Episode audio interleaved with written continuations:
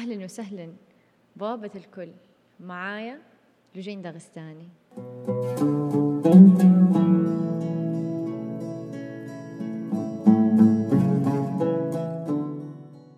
في يوم زي أي يوم جالسة مع نورو على أساس إنه quality time بنلعب وأنا ماسكة جوالي وبنتصور. وهذا اللي دار بيننا. شوفوها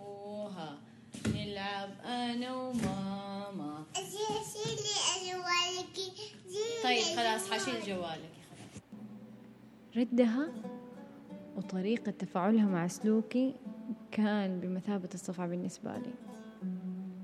لطالما أرى أن الأبوة والوالدية هي تربية معكوسة من الطرفين. نحن المعلمون في مقامات وكمان نحن الطلاب في مقامات كثيرة أخرى. اللي صار بعد الموقف إني قررت أسأل نفسي كثير. ليش كل ده الهوس بالتصوير؟ ليش كل ده التوثيق؟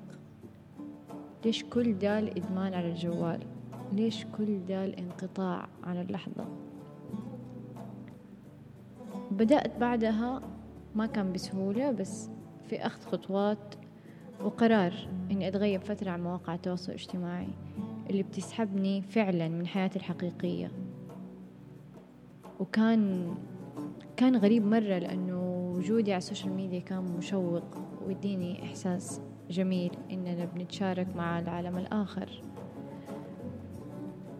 خلال رحلة استرداد حياتي الحقيقية وجدت شيء جوهري للغاية. شيء جوهري فقده الإنسان بسبب سماحه لسيطرة الهاتف عليه. فقد الإنسان قوة التواصل. قوة التواصل مع ذاته مع زوجه مع والدته مع أخته مع أخوه مع طفله. فقد ابتسامة العابرين حتى.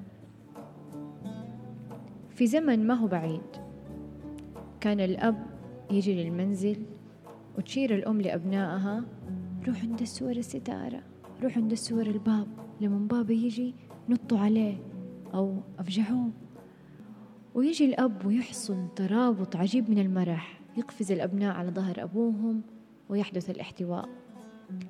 في زمن ما هو بعيد كان الأب يجيب ولده من المدرسة يجري متلهف لعناقه ويفتح باب السيارة ينزل يستقبله.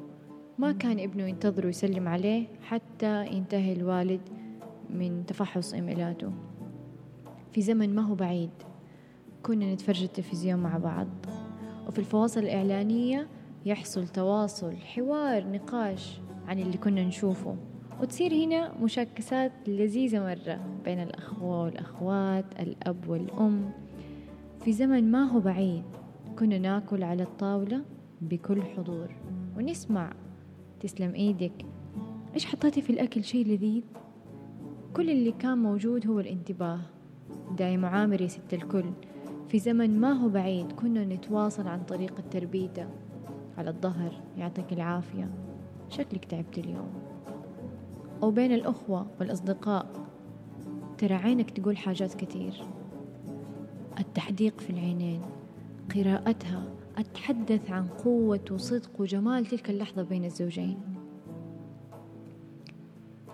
شيري تيركل في كتابها Alone Together لوحدنا سويا تكتب الناس في أيامنا هذه هم أكثر تواصلا مع بعضهم البعض أكثر من أي وقت مضى في تاريخ البشرية. شكرا لمواقع التواصل الاجتماعي ولشبكات الإنترنت والرسائل القصيرة لكنهم أكثر وحدة وبعدا عن بعضهم البعض في حياتهم الواقعية.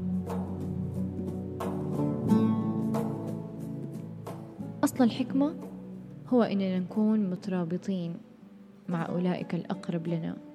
بما في ذلك في المقام الأول أنفسنا. التواصل يساعد على منع التوتر والإجهاد بالذات مع الطفل.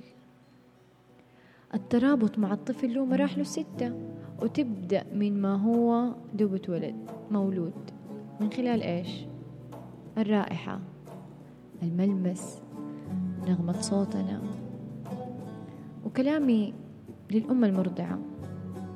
المنشغلة بإرسال الرسائل النصية وقت الرضاعة الطبيعية. زي ما أنا كنت. ماذا لو تلقيتي رسالة أو شاهدتي مقطع؟ أثار غضبك أو أثار قلقك. من المؤكد أن المشاعر راح تنتقل لطفلك. فمن جد تستحقي تعيشي اللحظة كاملة بدون أي تشتت. ولا ننسى أن الدوبامين يلعب دور كبير في التصاقنا بالهاتف. وإذا كنت تبغى تساعد نفسك وحاسس إنك في إدمان من ال social media تقدر تقرأ كتاب كيف تقطع علاقتك بهاتفك. غلافه أصفر تقدر تشتريه من المكتبات.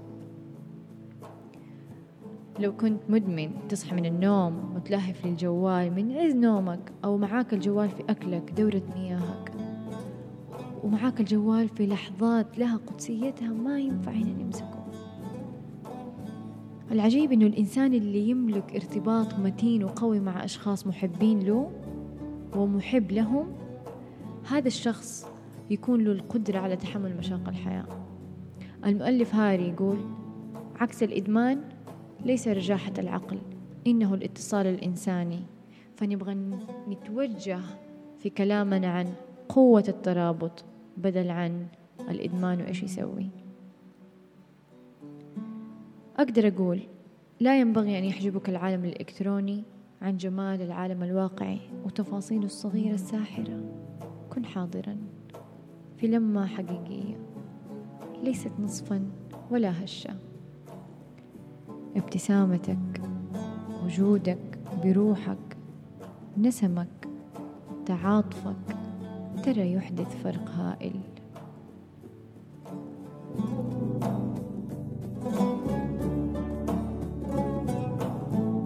سؤال الليلة. من هو الشخص الذي سأقوم باسترداد قوة ارتباطي معه؟ وبعد ما تجرب استرداد قوة ترابطك معه أحب إني أسمع تجربتك. شاركني هي. وقبل ما نقول مع السلامة حاول ترسل مقطع لشخص أشتقت فعلا للتواصل الحقيقي معه. دمت بخير.